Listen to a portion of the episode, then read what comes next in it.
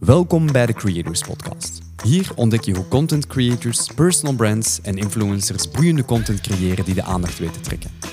We voeren inspirerende gesprekken en duiken diep in de wereld van de creators en attention economy. Of je nu je merk wilt laten groeien, je passie wilt omzetten in een bedrijf of simpelweg de kracht van contentcreatie wilt doorgronden, dan ben je hier aan het juiste adres. Laten we samen de wereld van contentcreatie verkennen en praktische inzichten opdoen voor jouw succes. In deze tweede aflevering onthult Celine hoe authentieke content haar niet alleen een gigantische following heeft opgeleverd, maar ook haar business naar nieuwe hoogtes heeft geduwd. Voor iedereen die zijn bereik op een organische manier wil vergroten, biedt Celine haar inzichten en strategieën die je kunnen inspireren tot actie. Dus als je klaar bent om te leren hoe je met organische content een impact kunt maken, mis dit gesprek niet. Veel luisterplezier. Hey, dag Celine. Welkom bij de Creators Podcast. Hallo, dankjewel. Hey, ik vind het super tof dat jij hier bij mij in de studio zit. Allee, eigenlijk jouw studio. Mhm. Je bent naar hier gekomen. Ik ben naar hier gekomen. ja, alles opgezet. En, uh... Oeps. Celine, ik heb jou gevraagd in de podcast omdat je natuurlijk al jarenlang content creator bent. Of Mhm. moet ik zeggen, influencer of bedrijfsleider. Of ja, wat bent je eigenlijk, Celine? Ehm, ik, ik heb liefst niet het woord influencer, want dan vind ik dat ik mezelf downgrade of zo. Ehm, in eerste plaats ben ik diëtiste, want daarmee ben ik ooit gestart, die opleiding gedaan, en ik dacht, ik ga weetjes delen op Instagram. Ehm, gaandeweg ben ik dan denk ik content creator geworden, want mijn Instagram-pagina werd groter en groter. En dan ben ik bedrijfsleider geworden. En dus nu ben ik zo'n beetje een mix van van alles en nog wat, denk ik. Dus ik, ik, kan niet, ik ben en diëtiste en content creator en ik heb een bedrijf. Dus ik ben bedrijfsleider. Dus ja, niet één specifiek iets eigenlijk. Mhm, mhm. En eh, voelt je nu ook niet de dag van vandaag dat content super, super belangrijk is om je business te laten groeien? Maar mijn hoofd is gewoon... Mijn hoofd denkt alleen in content. Eh, ik heb met Florian zo eens een keer een mopje gemaakt van... Als wij ooit kinderen krijgen, we gaan ons kind gewoon content noemen. Dat is een mopje, hè. Maar zo van content van content. Content, ja. Content ervan maken. eh, komt eigenlijk allemaal goed uit. Nee, maar content is letterlijk, ja, mijn job eigenlijk. Ehm, ik ben daar dag in dag uit mee bezig. Ik zie in elk ding dat ik doe, zie ik content-ideeën. Overal waar ik ga en sta, denk ik in content. Dat is ook een knop dat ik zelf vrij moeilijk kan uitschakelen. Mhm, mhm. Ja, en natuurlijk, het is allemaal begonnen met één videootje of één foto of één stukje tekst. Als je nu helemaal naar het begin gaat van de start van... Ja, toen, toen heette het nog niet Healthy Habits, Celine, of wel? Wel. het altijd... Oké, ja, dus het heeft het- altijd die, die naam gehad en Ja. gedragen. Ja. Ja. Kunt je nog herinneren hoe dat, dat was om je eerste stukken content te posten? En weet weet je nog überhaupt wat dat was? Ja, ik weet dat nog. Dat was mijn logo. Zo, hey, ik start als diëtiste in bijberoep. Ehm, dit is mijn logo, let's start of zo. Ehm, ik kreeg toen wel veel ehm, ja, commentaar, opmerkingen van mijn omgeving, of course. Van, zouden dat wel doen, eh, zo op Instagram gaan? En dat gaat toch niet werken? En zo mensen geloofden daar ook zo niet echt in. Nu spreken we van ja, 2018, 2019. En... toen ben ik gestart en mijn eerste foto's waren oh, zo brak, Cedric. Als je het nu zou zien, je zou me echt uitlachen. Omdat je echt zou denken, en hoe is die meter geraakt? Maar je moet ergens starten. Dus dat was Absoluut. allemaal heel brak en niet professioneel. Maar ik deed het wel gewoon. Ehm, dus ik vond dat toch wel spannend. Want ja, je zet jezelf open voor heel veel meningen van anderen. Als je zo'n bedrijfsprofiel start op Instagram en je voelt zo, ah, ik wil daarin groeien. Ehm, ja, ik vond dat heel spannend, maar tegelijkertijd geloofde ik er ook wel zo hard in dat ik er altijd wel door gebeten ben geweest door die content. Is, dat is iets vanaf dat ik gestart ben, ben ik consistent geweest. Ben ik, eh, denk na een jaar, ben ik mijn gezicht gaan laten zien. Ben ik ehm, gaan praten op stories. Ben ik filmpjes gaan maken. Ehm, Ik merk dat dat voor heel veel ondernemers een grote stap is, hè, om je gezicht te laten zien, terwijl dat het eigenlijk het meest krachtige is wat je kunt doen in content, is letterlijk spreken voor de camera en gewoon je gedachten delen. Uh, bij, u, bij u heeft dat dus ongeveer een jaar geduurd voordat je die stap hebt gemaakt. Mhm.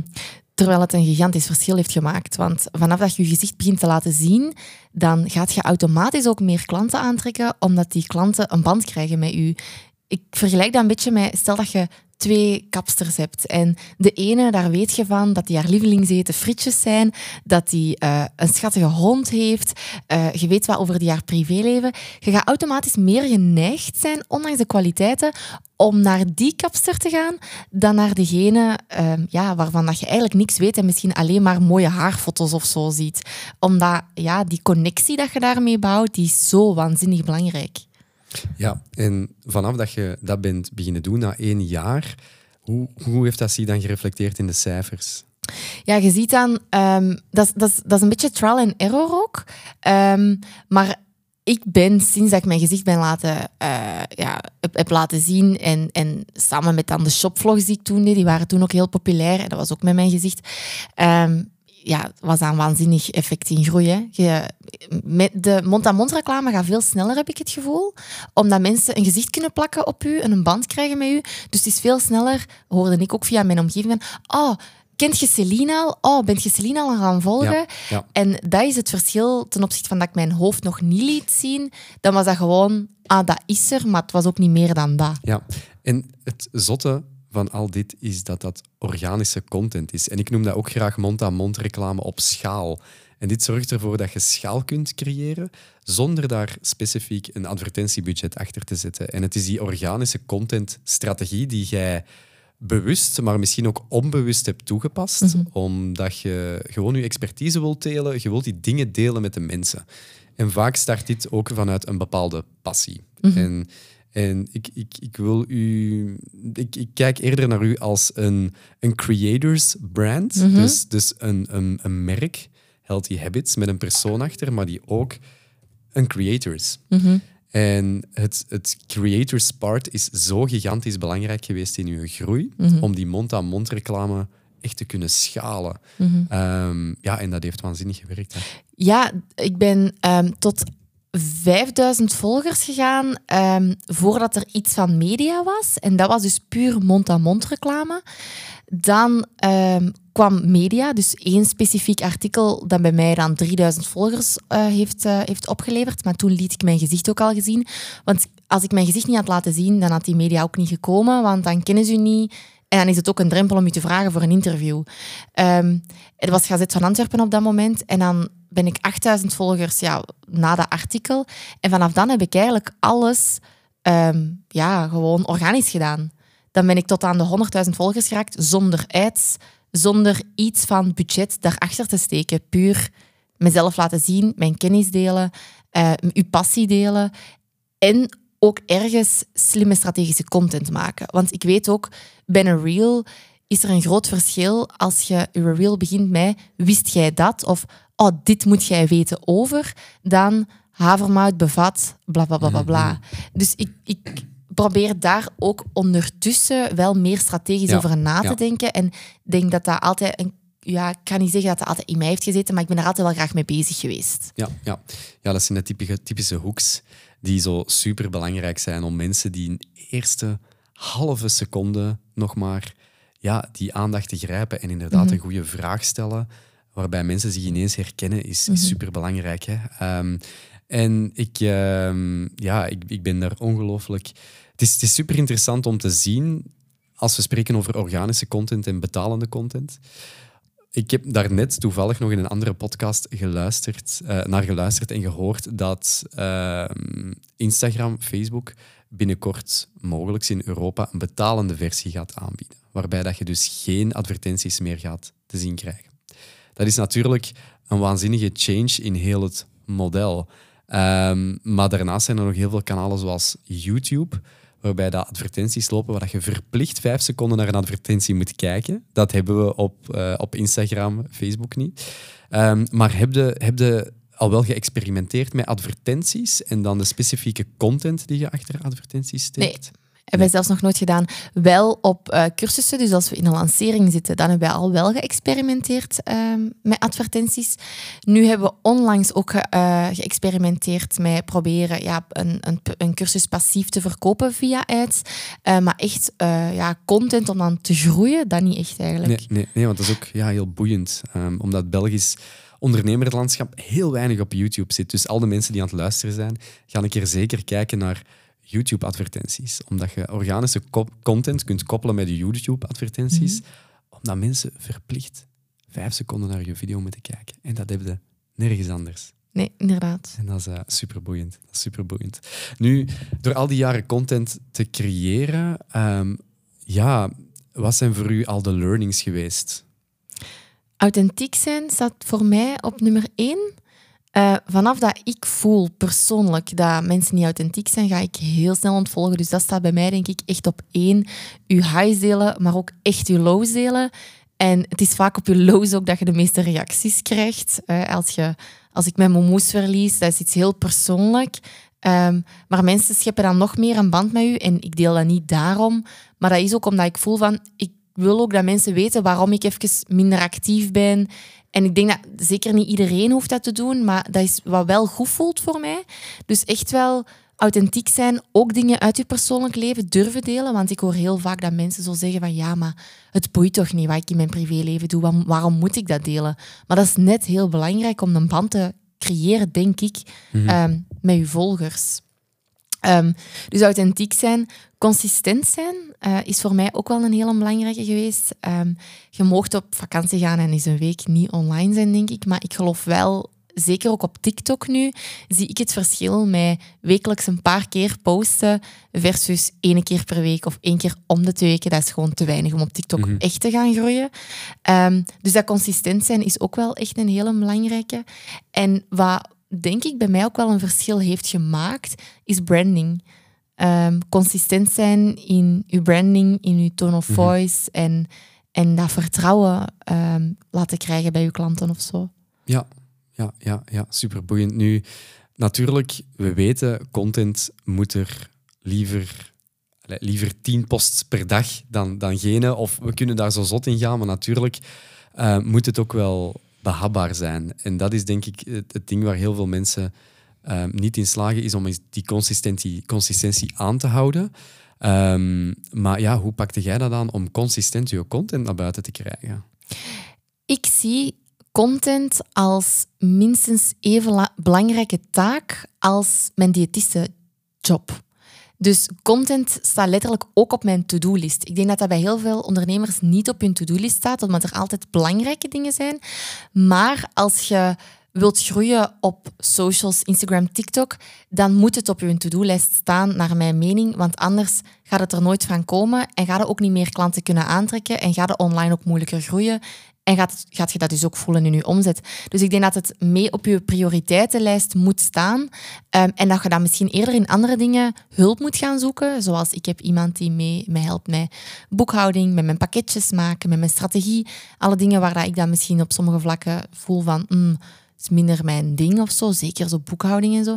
Um, dus eens gaan kijken van wat kan ik uit handen geven, waardoor ik misschien meer content kan gaan maken. Um, natuurlijk, bij mij is het ook gegroeid vanuit een passie voor content. En ik denk dat bij heel veel mensen, ik had het er onlangs nog over, mijn personal trainer, en ze zei van ja, ik ben altijd met mijn job bezig, maar niet met content maken. En terwijl zij kan tijdens dat ze personal training geeft zoveel filmpjes maken, want ja, ze geeft letterlijk les aan anderen. Dus ze heeft haar handen eigenlijk vrij om content te maken. Ik zei ja, het is de switch maken en eraan denken van, en nu pak ik even mijn gsm en maak ik video's en stik ik dat daarna in een reel. En dan moeten niet de zot ingewikkelde dingen zijn. Het zijn vaak de inspirerende dingen, de grappige dingen, dat het nog beter doen dan de waardevolle dingen. Als, als ik een waardepost maak, dat doet het niet zo zot goed. Mhm. Als ik een grappige reel maak, of een reel met een, met, met, ja, die heel inspirerend is, dat doet het waanzinnig goed. Dus echt zo, ja, de, de waardevolle uh, ja, en dan heb ik het eigenlijk vooral over posts, doet het niet meer zo goed. Je moet naar reels, uh, video's gaan. Posts, een ware post maak ik zelfs niet meer. Ja, want dat is de essentie waar heel veel bedrijven het in eh, in mis hebben, is dat die platformen zijn er nog altijd voor entertainment. En mensen komen daar naartoe om zich ja, om een goede tijd te hebben. En als we, als we onze producten in hun gezichten gaan gooien en constant maar die sales gericht zijn, ja, dan gaan we niet ver geraken. Dus het entertainmentgehalte moet bij heel veel bedrijven denk ik ook gewoon naar omhoog. Ja. En dan kan zo'n simpele post, die dat gewoon plezant is, heel goed presteren. Ehm, ik vat ook even samen wat je net zei over eh, het consistent posten. Het moet eigenlijk gewoon een beetje een healthy habit worden om Mooi. Goed, hè? Ik was er net al aan het denken. Ja, dus het consistent posten moet gewoon een gewoonte worden. Mhm. Een healthy habit om dingen vast te leggen die mogelijk kunnen inspireren, entertainen of informeren. Ja, en dat moet niet altijd moeilijk zijn. Je mag ook gewoon je omgeving filmen ehm, en daar een inspirerende quote op zetten. Dus als je eens een keer geen zin hebt om je hoofd te laten zien, dan hoeft dat niet. Ik vind het natuurlijk... eh, ik wil daarmee niet zeggen, want soms kan het dan een excu- ex- excuus zijn. Als je dan zo zegt, je hoeft je hoofd niet te laten zien, dan denken mensen, oh, ik moet dat niet doen. Ik wil ook zo wel altijd een schop onder je kont geven van, laat je kop wel zien, want het zorgt ook wel voor een verschil of zo in je bedrijf. En soms moet je gewoon ook wel dingen doen uit je comfortzone, ja, om daarna je comfortzone ervan te maken. De eerste keer dat ik op stories ging praten, reels ging maken, was dat fucking awkward. Ehm, en nu is dat heel natuurlijk. Dus dat is ook een beetje trial and error en zoeken in wat past er bij mij, wat werkt goed. Als je tien reels hebt gemaakt, ga eens in je statistieken kijken. Welke is veel gesaved, welke is goed bekeken. En ga daarop verder. Ga geen reels maken die dat... Allee, en dat is ook wel opnieuw trial and error, maar ja, sommige concepten werken gewoon niet goed. Dat heb ik ook al gezien. En dan stop ik ook met die te maken. Ja, ja, ja dat, is, dat is een hele goede aanpak, want je moet inderdaad wel een beetje analytisch gaan kijken naar wat dat je uitzet. En het kan zijn dat na een tijd nog altijd iets niet presteert, maar probeer daar eens bewust over na te denken. En je mocht dat heel diep gaan analyseren, zo'n video. Wat is de eerste seconde van de video? Exact. Welke kleuren heb ik gebruikt? Welke achtergrond heb ik? Het kan soms in heel kleine nuances zitten. Je kunt bijvoorbeeld dezelfde video een maand later posten met heel kleine dingetjes in aangepast die dat dan totaal anders gaat presteren. Exact. Ik denk ook echt na, voor ik ehm, een voice-over op een reel doe, wat gaan mensen binnentrekken? Eh, want als je daar niet mee bezig bent, ja, dan is de kans gewoon al groot dat je reel minder goed gaat presteren. We hebben nu, om, een, dat is eigenlijk een heel goed voorbeeld. Ik, had, ehm, ik ben eigenlijk groot geworden met shopvlogs. Ik weet niet of dat... Volgde jij mij toen al, Cedric? Dat weet ik Eh, niet. ja, ja. Ah, oh my god, mocht me al zo lang. Ehm, dat zijn echte diehards, diegenen dat dat hebben meegemaakt. Ehm, maar dus, ja, ik ging dan altijd naar een Albert Heijn en alles. En dan echt zo foto's maken van dit is een voedzaam product en dit is een voedzaam product. Ehm, en die focus was een beetje verlegd naar volledig intuïtief eten. Maar ik voelde van, oh, ik mis dat stuk. Ik wil dat terug doen. En dan dacht ik, nee, ik ga dat niet terug in stories doen. Want dat was altijd zo, ja, heel veel stories en mensen tikken door. En hebben dat op dat moment niet nodig. En dan dacht ik, wat nu als ik daar video's van ga maken? Eh, dus letterlijk ga ik met ons mama of met mijn schoonzus naar de winkel. En die moeten mij dan filmen zo voor de winkel met het logo van de winkel. Zo vijf producten uit de Albert Heijn, eh, waar ik fan van ben. En die doet het... Allee, Ja. Al die video's doen het waanzinnig goed, want het is, je ziet mijn gezicht, je ziet mijn tone of voice, je ziet Ja. mijn lichaamstaal, je ziet het logo van de winkel. Dus die combinatie blijkt werk, allee, werkt geniaal, heb ik gezien. Ja. Ik heb 400.000 views gekregen op een reel daarvan. Keiveel volgers extra van gekregen ook, heb ik gezien. En dat is een heel simpel format dat je steeds opnieuw en opnieuw en opnieuw kunt gaan toepassen. Want als we dat dieper gaan analyseren, is het een heel duidelijke hoek. Vijf producten van Albert Heijn in dit geval. En mensen blijven kijken omdat ze willen weten welke producten dat, dat zijn.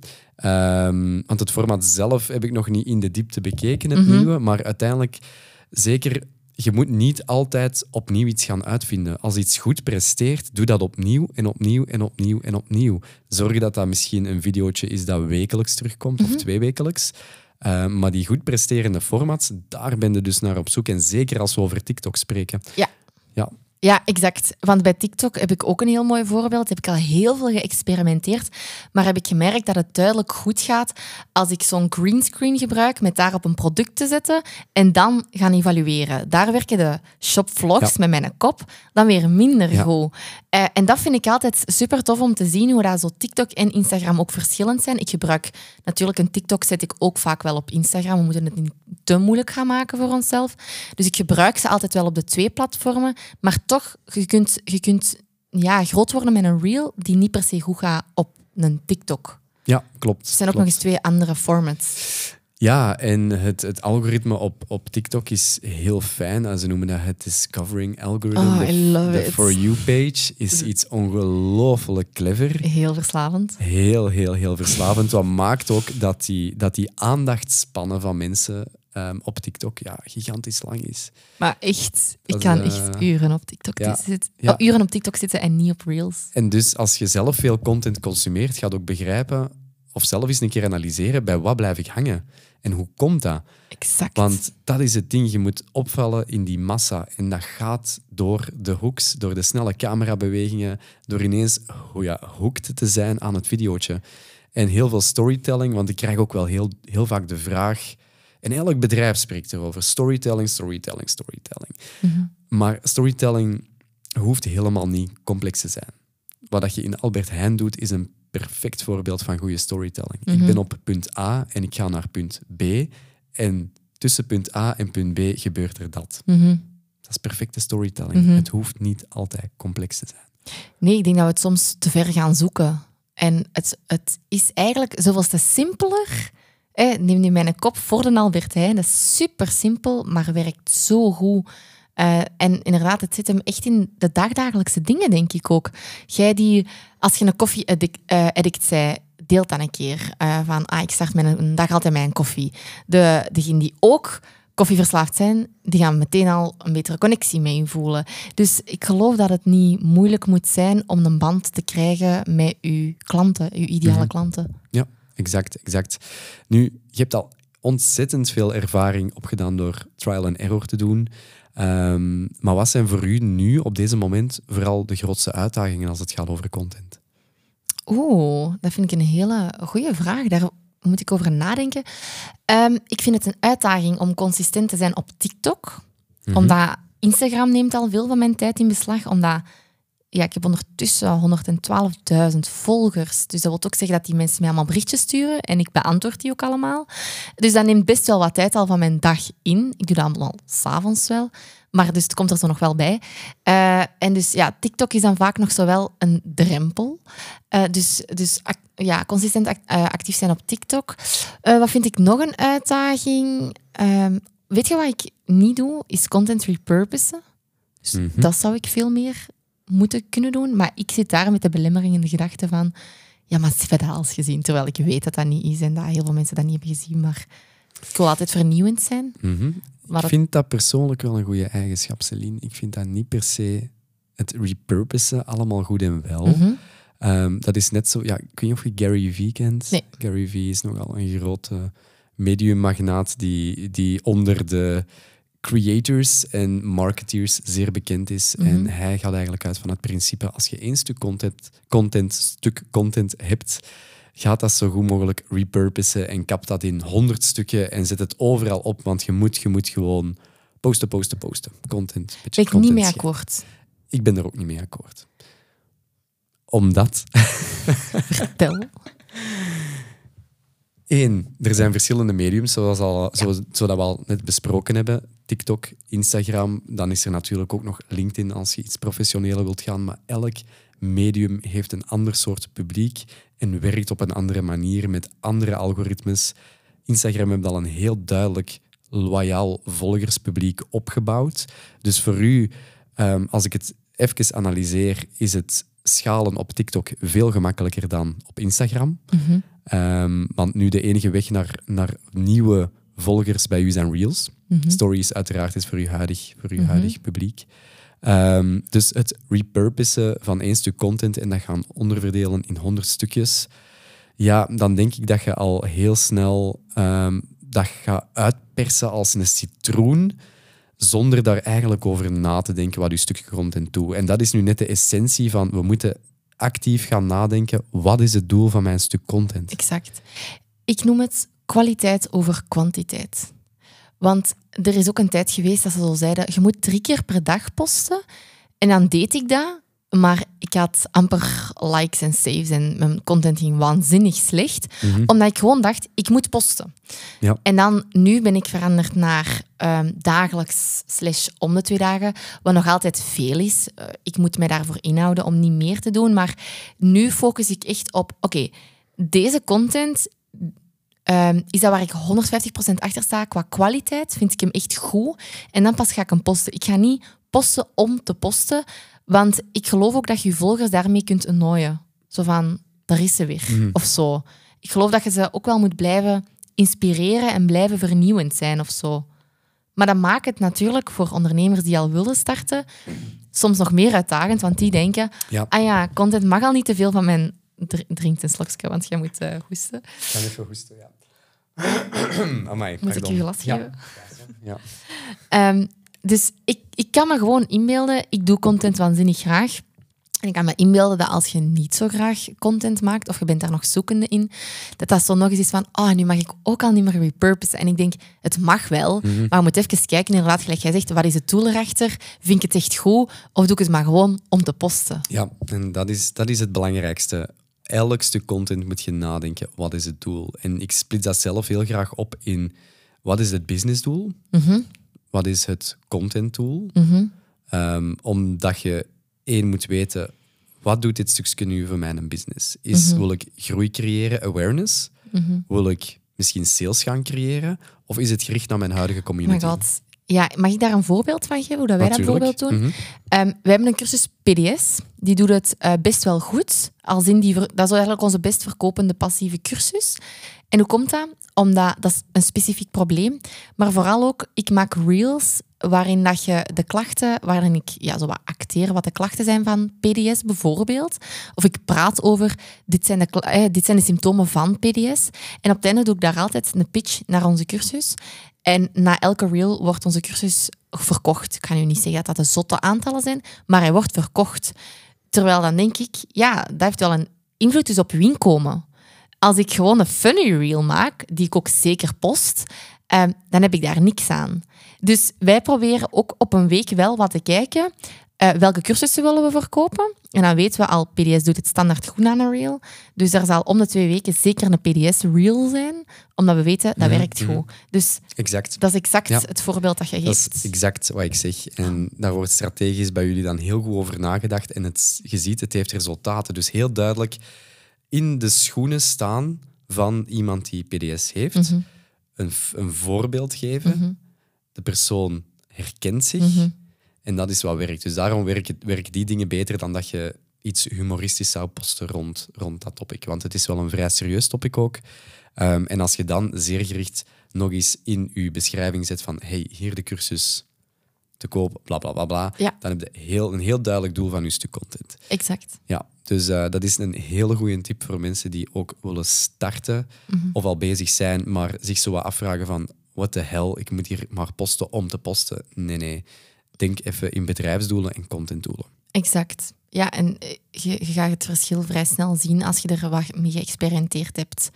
Ehm, ja, eh, eigenlijk geeft het mij een goed gevoel, deze podcast. Eh, ik heb het gevoel, we zijn goed bezig op het gebied van goed content. bezig, ja.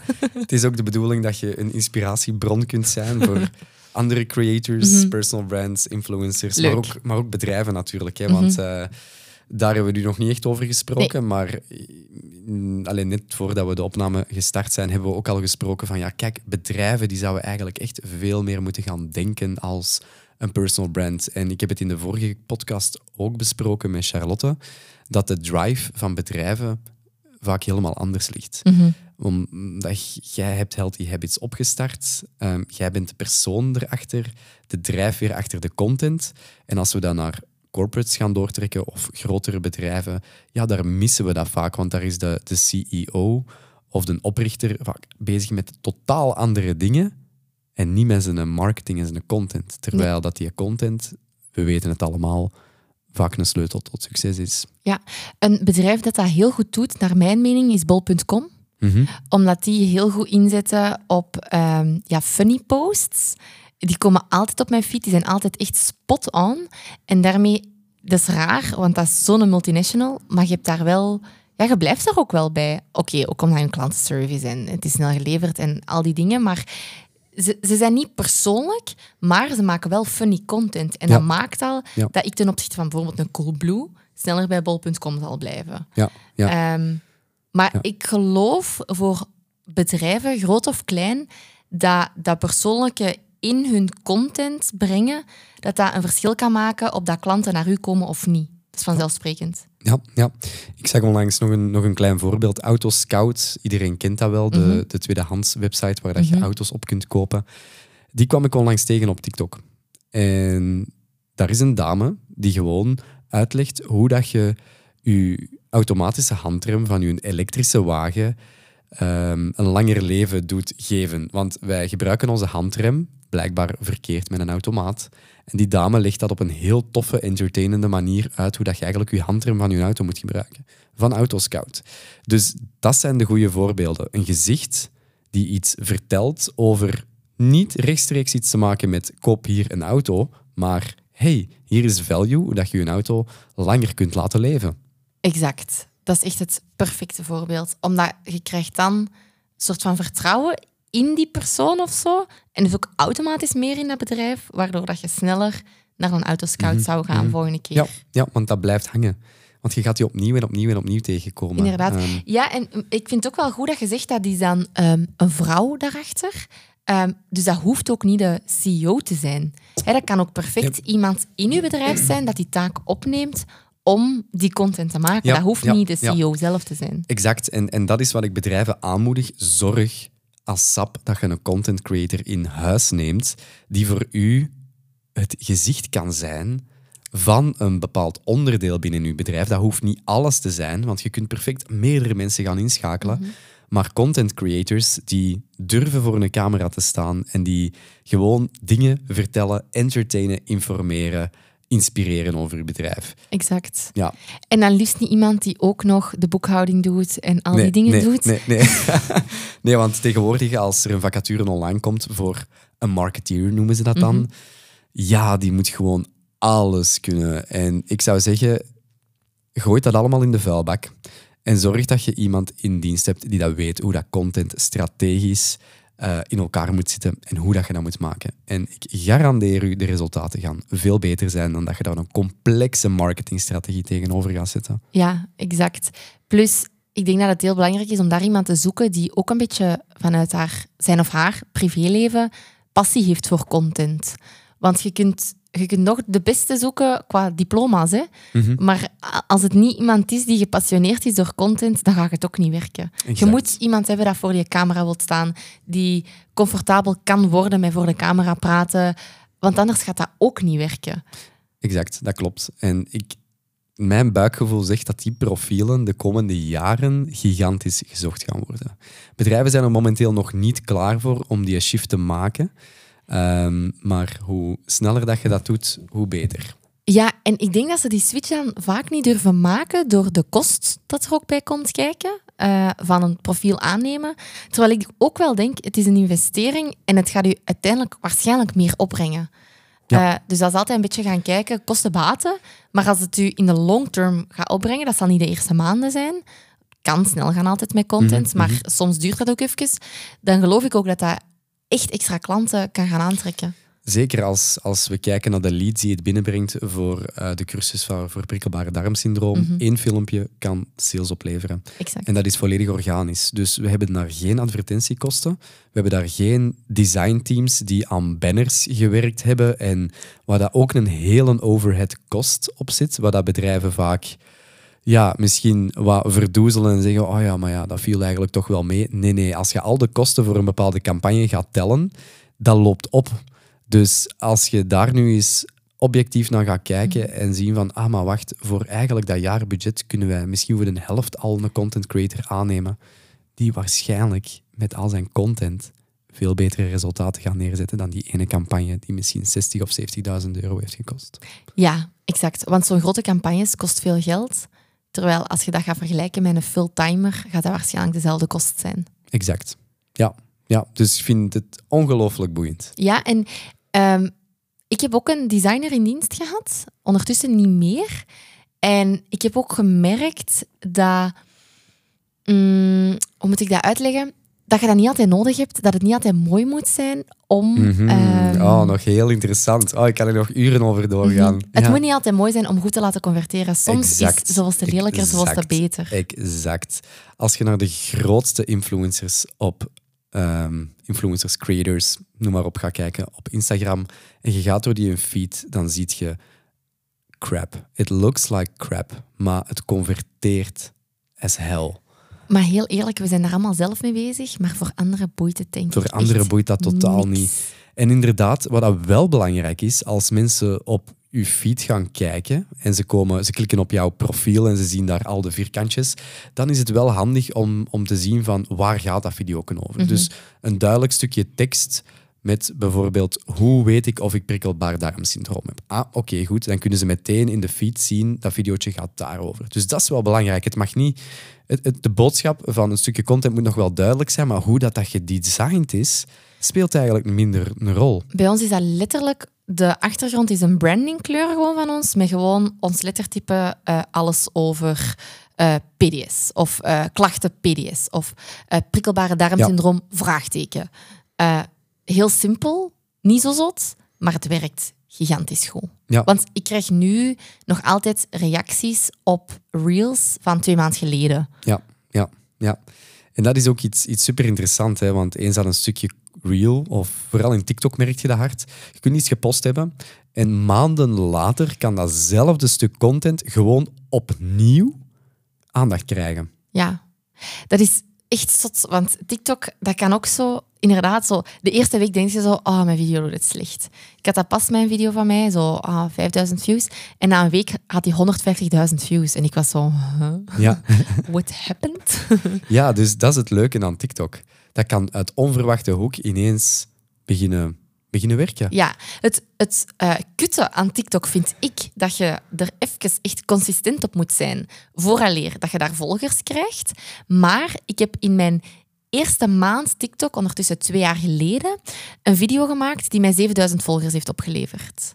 En dat is, ik zit nu op 13.000, dus dat is de helft Ja, dat ik in mijn waanzin. eerste twee maanden heb gekregen aan één video vooral. Ja, Aan ja. één video. Ja, En dat, het kutten aan TikTok is dus, je moet even zoeken wat uw format is en wat werkt en wat niet werkt. Dus dat is vooral experimenteren. Ehm, maar vanaf dat je hebt gevonden, dit werkt, want dat is Ja. nu heel toevallig dat ik ehm, hetzelfde format terug online heb geplaatst, maar dan ja, mijn ander onderwerp. En het is terug viral gegaan. Dus ik heb er terug 3000 volgers dat is, dat is zoals de heel bekende TikToker What Do You Do For A Living in New York. Eh, ah, sorry, sorry, ik zeg het verkeerd. What Do You Do For A Living, dus dat is de man die eh, mensen de vraag stelt die met een hele mooie auto rijden. Dat format doet ja. hij niks anders dan dat. Ja, dat is kei leuk. Of Ik ken dat. the guy that asks, uh, how much rent do you pay in New York? Hetzelfde format, opnieuw en opnieuw en opnieuw. Ik ben er eigenlijk zeker van, Celine, als je een challenge doet om tien keer, tien dagen achter elkaar, gewoon een video te posten van dat format, Mhm. de kans dat die elke keer viral gaat, is heel groot. Omdat het nu al twee keer heeft bewezen dat dat format werkt. Mhm. Dus als je je volgers nog eens een keer wilt boosten, gewoon dat format is misschien Ja. twee weken na elkaar posten. Exact. En dat werkt. Ja. ja. Dus het TikTok, het is wel echt iets, geloof ik. Het is nog niet het converterende ehm, Nee, kanaal dat klopt. voor Ja. ondernemers. Daar geloof ik meer in Instagram. Maar het is wel het kanaal waar dat je ook heel veel ehm, gratis, makkelijke reclame voor jezelf kunt maken. En ik heb ook volgers die van TikTok komen naar Instagram bij mij. Die zeggen, Ja. ik ken u van TikTok. Het hangt er naar mijn gevoel af wat dat je wilt verkopen. Ehm, want TikTok is heel goed om producten te verkopen. Ja. Producten die meteen een oplossing bieden voor iemand zijn probleem. Exact. Producten, yes. Als je een leuk catchy product hebt, go for TikTok. Adverteer ook op TikTok. En er zijn, er zijn bedrijfsmodellen die eigenlijk op zoek gaan naar viral products. En dat zijn dan producten die volgens bepaalde personen ehm, mensen in een impuls aankopen. Daar advertenties rond gaan maken. En zo verkopen die producten gebaseerd op, de, ja, op de hitratio met hoe viral kan dit product gaan. Dus producten ja, community bouwen en echt een loyaal publiek opbouwen, nee, moeilijker. Veel, veel, veel moeilijker. Ook omdat we met dat discovery algorithm zitten. als mensen niet actief naar u gaan zoeken op TikTok, ja, de kans dat iemand u volgt en de komende weken niet meer ziet, is vrij groot. Exact. En, en daarom is het belangrijk om net die consistentie in TikTok te houden, om ervoor te zorgen dat mensen die u gevolgd hebben, ook, ja, dat je ook terechtkomt op die For You-page. Ja. Uh, want je gaat bijna nooit naar de uh, following-tab op TikTok. Nee, dus de mensen die je volgt... Exact, exact. Dus daarom is het moeilijker om een loyaal Mhm. uh, doelpubliek te gaan opbouwen. Mhm. Maar producten is een ander verhaal. Ja, ik moet bijvoorbeeld, als je zegt producten, moet ik direct denken aan ehm, de Wonderbaars. Ik gebruik die zelf Mhm. ook. Kent je dat merk? Dat is ehm, Nee. shampoo, eh, conditioner. Die hebben van alles. Dat is een Belgisch merk, is ook heel goed gebrand allemaal. Zit echt allemaal keigoed in elkaar. En eh, die komen kei vaak voorbij op mijn TikTok. eh, met dat zo een, een vrouw eh, haar haar is aan het wassen. En dan zo zegt van, ah, mijn haar is veel minder snel vettig. Ja, dat is wat mensen willen, hè. Ja. Allee, of, of- ja, ik, dat is wat ik toch wil. Ja, Dus dat ja. is echt een concrete feit. Minder snel vettig haar hebben. Dus oké, ik was al fan nu wel van mijn wonder, maar dat is wel een reden. Ja, ze blijven in je hoofd en je blijft er zo wel wat warm voor of zo. De zwarte tandpasta toevallig ook al tegengekomen, of de paarse tandpasta. Om eh, je tanden sneller wit te krijgen, ja, heb Ja. ik ook al gezien. Die zijn waanzinnig goed in content maken. In organische content. Dat is waanzin. En die gebruiken heel veel creators. Dus dat is een goed voorbeeld, dat we daar straks reflecteerden naar bedrijven. Zo creators. Zij doen dat volop op schaal. Dus er zijn platformen waarbij dat je... Ik denk dat ik dat in de vorige podcast ook gezegd heb. Eh, er zijn platformen waarbij dat je dus creators kunt gaan inschakelen om content voor u te gaan maken. Dus in dit geval, voor een tandpastatube, is dat heel eenvoudig Geniaal. ja, je schaalt je content en je laat dat ook nog eens inschakelen door content creators. En daarbovenop gebruikt het ook gewoon op je organische sociale media en gaat het ook nog eens adverteren. Dus dat is een win, win, win, win. En dat gaat constant viral, ook omdat het natuurlijk een product is dat tot de verbeelding spreekt. Hè. Eh, een soort van zwarte, fluo, eh, paarse tandpasta die je tanden ineens wit maakt. En Ja. blijkbaar werkt het product ook wel goed. Dus Ja, ik heb ooit ook zo wel eens iets gebruikt en dat werkte ook echt goed. Mhm. Dus zo van die tandpasta's, ja, dat is inderdaad wel... Het, het kan Mhm. wel echt goed werken. Maar ehm, nee, super interessant. Ik, ik ben 100% akkoord met wat je zegt, dat die producten, ehm, dat je daarvoor, ja, dat dat de way Mhm. to go is. ja, Ja, nu ben ik aan het denken dat ik producten moet gaan uitbrengen. die viral kunnen gaan op TikTok. Hè? Ja, dat heel vooral. belangrijk. Heel belangrijk. Goed. ehm, dus ja, er zijn ook heel veel mensen die natuurlijk ehm, een business willen monetizen.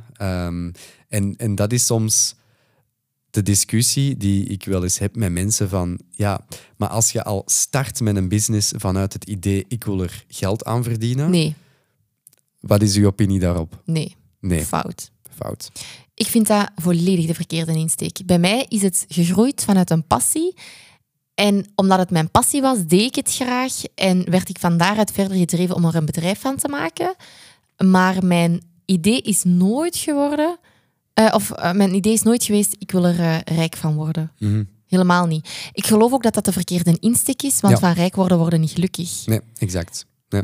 nee, je wordt gelukkig om een, één, al een passie te vinden. Want ik, ik denk dat dat al voor heel veel mensen een uitdaging is om, om juist te weten van wat wil ik hier precies doen in het leven. En ja, eens dat je dat gevonden hebt, ja, dan is natuurlijk de stap naar ik ga er content van maken eenvoudiger. Want er zijn ook heel veel mensen die zoiets hebben van oh, ik wil wel iets opstarten, maar ik weet eigenlijk niet wat. Dus die drive waar dat jij warm van wordt, is wel ontzettend belangrijk voordat je echt, ja, voordat je echt heel hard gaat focussen op die content. En het zorgt ervoor dat je gemotiveerd blijft Mhm. om datgene te doen wat je doet. Want stel nu dat je ehm, beweegreden geld is en je hebt dat niet na twee maanden, dan ga je ook vaak Mhm. opgeven. Terwijl als het je passie is, dan doe je het graag en blijf je het doen, no matter what. Ehm, en als je drijfveer geld is, dan denk ik dat je gewoon heel snel opgeeft. Want heel eerlijk, het is allemaal niet zo quick win, zoals dat Nee. tegenwoordig heel veel business coaches het vaak afbeelden van eh, maak een online cursus en word nu rijk. Er komt veel meer bij kijken dan een online cursus maken. Je moet wel eerst eh, een band opbouwen met je volgers, waarde geven aan je volgers, heel die cursus gaan maken, die cursus goed in de markt zetten. Ehm, daar, daar zijn op zich al wel eh, Ja. enkele maanden en bij mij jaren Mhm. mee bezig. Ja, ja. Nee, het is, eh, het is alles behalve een quick fix. Hè? Dus, dus als je echt online succes wilt hebben, ik, ik mag zeggen dat je online succes hebt, Thanks. Dat is, eh, Dat goed voor mijn ego. dat is, dat is een weg van vallen en opstaan. Ehm, en vooral die consistentie blijven behouden in hetgeen wat je doet. Maar dat wordt gedreven door een passie die je hebt. Ja. En, en, en dat is wat ik zo fantastisch vind aan personal brands, a.k.a. ook de content creators, eh, de creator brands, zoals ik ze graag noem. Ja, dat is daar zo fantastisch aan. En, en ja, het is, dan ook, het is dan ook het doel als hier mensen van grotere bedrijven naar luisteren om echt te gaan kijken van hoe kunnen we dit gaan realiseren voor ons bedrijf? Waar zitten die mensen met die gedreven passie voor content, voor ons product? Waar zitten ze? En hoe kunnen we dit gaan vertalen naar een digitale manier? Ehm, Ik geloof dat daar meer succes voor uw bedrijf in de toekomst in zit. Omdat we gaan allemaal naar meer persoonlijke, een meer persoonlijke band krijgen met een bedrijf. Waarom dat we naar een bedrijf gaan, is vaak omdat je er een persoonlijke band mee hebt. Dus ik geloof dat als je het verschil wilt maken in de toekomst, dat videocontent the way to go is. ik vind dat ook. Amai, een krop, een krop in mijn keel. Ik word er al emotioneel van. Ik net zeggen, je moet toch geen zakdoekje pakken. Goed. ehm, we hebben super interessante dingen besproken. Ik denk heel veel waarde voor mensen die hier naar gaan luisteren. Ehm, ja, en misschien kunnen we nog afsluiten met even uw advies voor iemand die met content wil beginnen. Als we nog eens even alles gaan samenvatten. We kunnen niet alles samenvatten, maar echt een goed advies voor iemand die wil starten. Misschien als personal brand, als ondernemer. Het maakt eigenlijk niet uit, maar die eerste stappen wil zetten in die content. Ga niet overdenken. Gewoon gaan. Niet te hard nadenken wat andere mensen van u denken. U niet daardoor laten tegenhouden. Ehm, durven. Durf gewoon te posten. Eh, vaak denk, zijn mensen een uur bezig met een post dat ik denk, what the fuck? Daar heb ik geen tijd voor. Ik denk vijf minuten na voor een post en die gaat online. Ehm, dus niet te lang over nadenken. Gewoon, ik denk, actie eh, nemen in datgene wat je wilt doen. De- nee, dat, ik vind het niet zo'n goed advies.